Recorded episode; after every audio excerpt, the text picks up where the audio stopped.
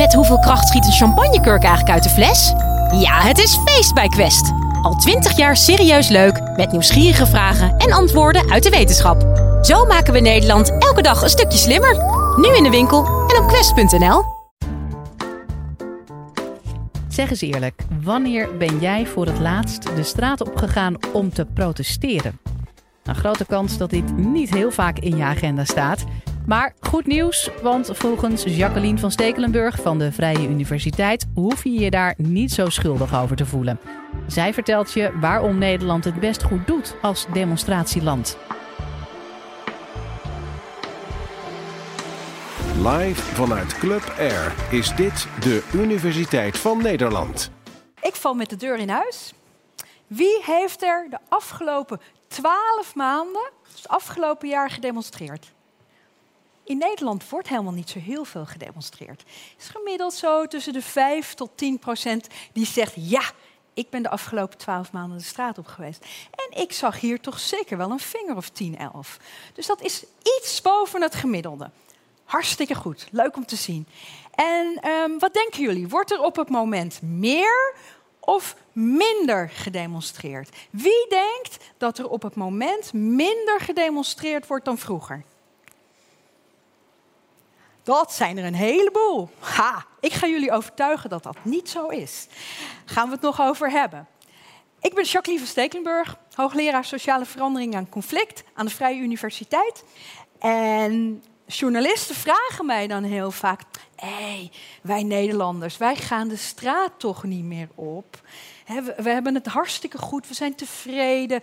En waarom zouden wij de straat nog opgaan? En dan zeg ik altijd: Nou, dat is nog maar de vraag. Want als je goed om je heen kijkt, dan zie je dat het een protest, protest dat kent een golfbeweging. Ene moment wat meer en het andere moment wat minder. En nu, net als in de roerige jaren 60, zitten we in een springvloed. Er wordt hartstikke veel geprotesteerd. Ga ik zo meteen nog op terugkomen. Neem bijvoorbeeld in Amsterdam. Vorig jaar, 2018, zijn er in totaal 1081 demonstraties aangevraagd. Dus dat zijn alle demonstraties die er geweest zijn en daarbovenop nog de spontane demonstraties die niet aangevraagd waren. Dat is echt veel, ook voor Amsterdamse begrippen. Daarom ga ik het met jullie niet hebben over de vraag waarom er niet meer geprotesteerd zou worden. Maar ik ga het met jullie hebben over wat het nou is dat de ene demonstratie wel ontstaat en de andere niet. En wat er voor nodig is om grote opkomst te krijgen. Maar om te beginnen. Wat is nou eigenlijk een demonstratie? Het is een tactiek die overgewaaid is uit Engeland. In Engeland in 1768, wat zagen we daar gebeuren? Voor de allereerste keer collectieve actie. Het waren daar de, de, grote zeilschepen en ze waren het zat. Ze dachten, we pikken het niet langer meer. We varen niet uit, we gaan onze zeilen strijken. En daar komt het woord strike vandaan, dus de staking. En die is overgewaaid, die vorm van collectieve actie is overgewaaid naar Frankrijk, naar Parijs. De eerste hele grote gecentraliseerde politieke eenheid. En wat we toen zagen gebeuren, toen dachten de mensen, de, Fransen, die dachten, ja, uh, dan kunnen wij wel met onze kleine clubjes her en der boos gaan worden, maar dat heeft geen invloed. We moeten met z'n allen naar Parijs toe. We moeten die grote demonstraties organiseren. En dat is wat er gebeurde. En dat is wat de Fransen nog steeds heel veel doen. De vraag die ik jullie nu net stelde, van hè, de afgelopen twaalf maanden ben je de straat op geweest. Als je die aan Fransen stelt, dan zegt tussen de 40 en 45 procent zegt, ja, ik ben de straat op geweest. In Nederland, ik zei het net al eventjes, is dat tussen de 5 tot 10 procent. Wij doen dat veel minder. Wij hebben een manier van met politiek omgaan het polderen. Wij hebben de vakbonden die in het tripartite overleg in het voorjaar en in het najaar is een hele directe band waar ze voor hun achterban, voor ons, waar ze kunnen strijden en waar ze de belangen kunnen behartigen. Dat is het grote verschil met Frankrijk. En als we het dan toch hebben over een demonstratie, wat is een demonstratie? Er zijn vier kenmerken. De allereerste is, het is een tijdelijke bezetting van een openbare ruimte. Bijvoorbeeld een straat, een plein. En het gaat om minimaal twee mensen.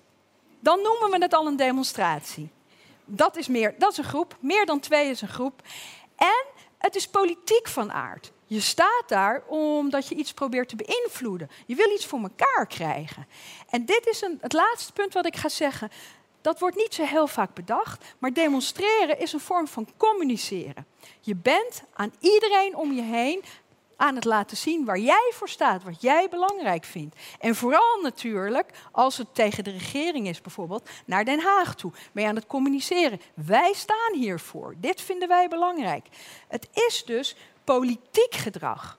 En dat is het grote voordeel van demonstratie. Dat is rondom één issue. En dat kan het klimaat zijn, dat kan de Women's March zijn. Kunnen allerlei verschillende issues zijn, maar het gaat over één issue. En dat heeft dus als voordeel dat je heel gericht je politieke gedrag kan laten zien, kan laten zien waar je voor staat. En wat doe je dan? Dat is een vorm van minderheidsgedrag. Waarom is het minderheidsgedrag? Ik vroeg het net aan jullie. Wie heeft er gedemonstreerd? En we zien een enkeling.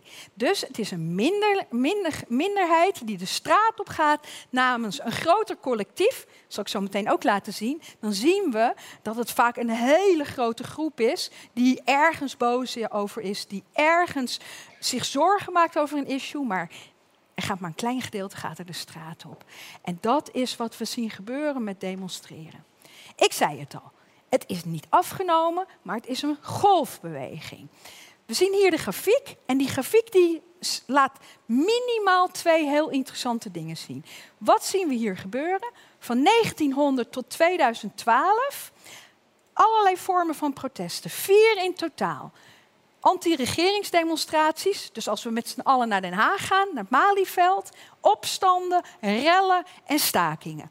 Wat is interessant hier? Ten eerste dat er op het moment net zoveel gedemonstreerd wordt als de roerige jaren 60.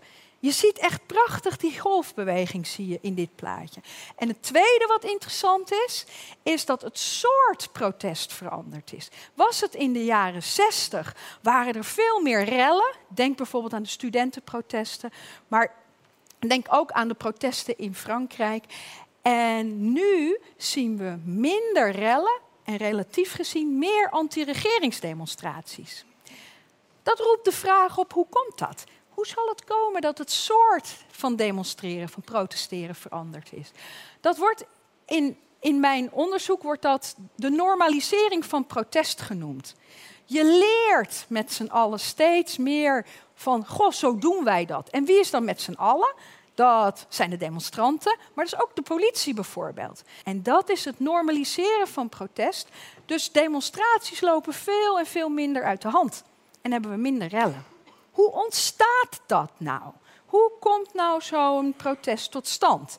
Nou, daarvoor kijken wij. We hebben eigenlijk Leentje Buur bij de economie gespeeld. We hebben gezegd: van je hebt de marktmetafoor met vraag en aanbod. Vraag naar protest, dat zijn wij met z'n allen. We maken ons ergens zorgen over, we zijn boos en we, we vinden dat er iemand verantwoordelijk gesteld moet worden. Er moet actie komen. Maar dat betekent niet automatisch dat er actie is. Die moet ook aangeboden worden. Er moet een klein groepje zijn of een organisatie zijn, zoals bijvoorbeeld Greenpeace of Milieudefensie, die zegt: wij gaan een demonstratie organiseren. En dat is belangrijk, want je hebt ze allebei heb je ze dus nodig om uiteindelijk protest tot stand te brengen. En op het moment dat we vraag en aanbod hebben in de economie, wat zorgt er nou voor dat die twee bij elkaar gebracht worden? Dat is marketing in de economie. In de wereld van protest is dat mobilisatie. En er zijn twee vormen van mobilisatie die dan belangrijk zijn. De eerste, dat is de onderste pijl, dat noemen we consensusmobilisatie. Dat is eigenlijk dat je met zoveel mogelijk mensen zegt van dit is echt een probleem. Wat je gaat proberen als organisatie is alle neuzen één kant op te krijgen. Je probeert consensus te mobiliseren over een bepaald issue waar jij je ongerust over maakt. En als je dan een hele grote groep hebt, van allemaal mensen die zich daar ongerust over gaan maken, dan kan je actie gaan mobiliseren. Dan kan je proberen om al die mensen de straat op te krijgen. Dus wat we zien, we hebben vraag nodig, we hebben aanbod nodig. En om die twee bij elkaar te krijgen, moet er gemobiliseerd worden. Eerst consensus, we maken ons met z'n allen ongerust. En daarna gaan we voor actie mobiliseren. Gaat dat dan zomaar vanzelf? Nou, ik kan een prachtig voorbeeld geven. 2007 is een tijdje geleden, maar toen was er een hele mooie demonstratie. Het ging over de ophokplicht. Een aantal van jullie zullen het misschien nog weten. Leerlingen op de middelbare scholen, ehm, die moesten 1040 uren op school zitten. Nou, er waren een aantal die dat een probleem vonden, maar daar ging het niet om. Het probleem was dat de scholen te weinig ruimte hadden en te weinig docenten hadden om goed onderwijs te geven in een ruimte die daar geschikt voor was. Dus wat gebeurde er? Ze werden eigenlijk opgehokt, in de gymzaal bijvoorbeeld, om die 1040 uren maar te maken. Nou, daar was LAX, de vakbond zeg maar, van de scholieren, die was al weken bezig om zich daartegen te verzetten. Die was druk bezig met consensus te mobiliseren. Totdat op een donderdagavond MSN, het lijkt een beetje op WhatsApp, is vergelijkbaar. Er kwam één MSN-berichtje van Kevin de wereld in. En hij zei: We gaan morgen de straat op. We pikken het niet langer. Na de koffiepauze, hup, de straat op. Ik was op dat moment college aan het geven en er stonden allemaal journalisten voor de deur. En die zeiden, wat is er aan de hand? Ja, dat weet ik ook niet. Nou, wat was er aan de hand? 20.000 scholieren op 50 verschillende plekken in Nederland. Overnight. Dat was echt heel bijzonder. En de allereerste keer dat er in Nederland aan de hand van social media werd gemobiliseerd. Het verraste iedereen ook mij. En ik weet meestal wel een beetje wat er aan de hand is in demonstratieland. En toen gebeurde er iets heel interessants voor het onderzoek. Een week daarna besloot LAX om ook te gaan organiseren, een demonstratie. En dan eentje zoals we die kenden. Traditioneel, op het museumplein, met sprekers erbij en suppost, keurig geregeld. En weer stonden er 20.000 mensen op straat. Die twee hebben wij vergeleken. Daar ga ik zo meteen over vertellen van, goh, levert dat dan wat anders op? Welke mensen komen daar naartoe? Maar eerst ga ik jullie vertellen over het watervalmodel. Hoe werkt nou die actiemobilisatie? Hoe zorgen we ervoor dat wij met z'n allen uit die luie stoelen getrokken worden en aan de slag gaan? Hoe doen we dat? Nou, dat gaat als volgt. Eerst moeten we ervoor zorgen dat we het met z'n allen eens zijn. We moeten het eens zijn over het issue. Ik zei het net al, dat is die consensusmobilisatie. Alle neuzen één kant op. Vervolgens moeten we weten dat er een demonstratie is. En we moeten willen. Hier zijn de grootste drop-outs in Nederland. We zijn niet zulke demonstranten. En de grootste groep denkt, nou, nee, is niet mijn ding. Petitie tekenen, prima, maar naar een demo, nee, dat gaan we niet worden. Maar dan nog zul je zien dat er een hele hoop uitvallers zijn. Want mensen moeten ook kunnen. En dat kan betekenen dat je geen treinkaartje kan betalen. Dat kan betekenen dat je denkt, ja, ja, ik moet werken die dag. Hoe ga ik dat regelen? Of je hebt geen opvang kunnen regelen. Dus het gaat als een soort van waterval. Zal er constant, bij elke stap valt er weer een groep uit. Uiteindelijk bij een gewone demonstratie georganiseerd door bijvoorbeeld LAX, is het meestal van de mensen die het ermee eens zijn, blijft er uiteindelijk 5, 6 procent over die op de demonstratie is. Dan zeggen politici, ja, er staat maar 100.000 man. Daar hoef ik me toch uh, niet bezorgd over te maken, hoef ik toch geen rekening mee te houden. Ik beloofde jullie al een vergelijking tussen de mensen die naar de spontane demonstraties gegaan waren en de mensen die naar de LAX-demonstratie gegaan waren. En wat zagen we? Eventjes nog in het achterhoofd. Het was dus de eerste demonstratie georganiseerd via sociale media. We zagen dat ze lager opgeleid waren we zagen dat ze wat jonger waren, waren allemaal middelbare scholieren, dus de range was niet zo groot, maar ze waren wat jonger en ze waren wat cynischer over de politiek.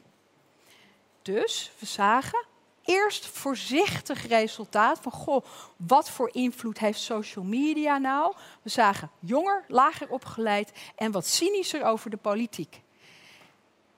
Kortom, als we nou hebben over veranderingen in de wereld van het protest ten gevolge van social media, dan zien we dat er een hele nieuwe groep de straat op gaat. Ik ben een klein beetje voorzichtig, want ik heb nu drie studies gezien waar we hetzelfde resultaat zien. Dus ook jonger, lager opgeleid en wat cynischer over de politiek. Maar voorheen, toen er nog geen sociale eh, media was, wat zagen we toen? Waren het de linkse, hoogopgeleide mensen die naar demonstraties gingen. Die lid zijn van politieke partijen, van sociale bewegingen. Dus een hele andere groep die in één de straat op gaat. Wat gebeurt er dan met die twee groepen als we denken aan social media? Nou, wat we zien gebeuren is dat de, de hoogopgeleide linkse mensen, de actieve mensen die altijd wel demonstreren, sneller te porren zijn voor een demo, die zijn gewoon simpelweg nog steeds actief. Zijn ook nog steeds heel actief en gemotiveerd om de straat op te gaan. Maar ze zijn ook actief op social media. Dus ze, ze, zullen eerder online een petitie tekenen. Ze zullen eerder informatie opzoeken. Ze zullen eerder een banner bij hun Facebook-page uh, plakken. Dus ze zijn meer actief online en evenveel actief offline.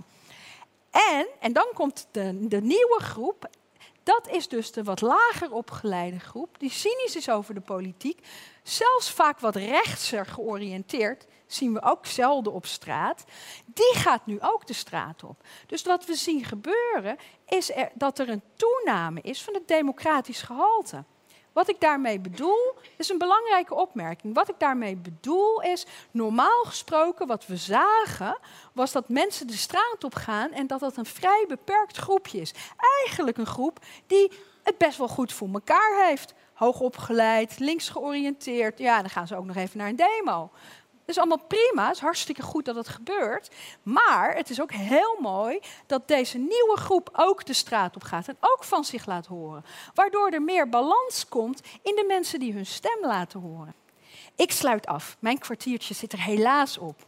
Ik heb het met u gehad over ontevredenheid en protest. En ik heb geprobeerd uit te leggen dat die relatie helemaal niet zo vanzelfsprekend is. We hadden het over de marktmetafoor als we ontevreden mensen hebben, moeten we ook nog mensen hebben die het willen organiseren. Er moet ook nog een aanbod zijn. Ik heb het gehad over het watervalmodel, waar ik liet zien dat um, er heel veel mensen uitvallen en dat er uiteindelijk maar een relatief kleine groep op straat staat. En ik heb geprobeerd uit te leggen aan de hand van social media dat er een nieuwe groep de straat op gaat allemaal samen heb ik geprobeerd uit te leggen dat de relatie tussen ontevredenheid en protest niet vanzelfsprekend is. Sterker nog, ontevredenheid alleen maakt dus niet opstandig. Dank jullie wel.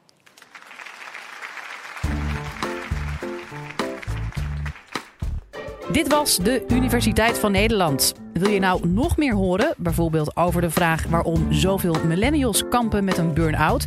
Of hoe je een oogbal kunt bioprinten? Check de hele playlist.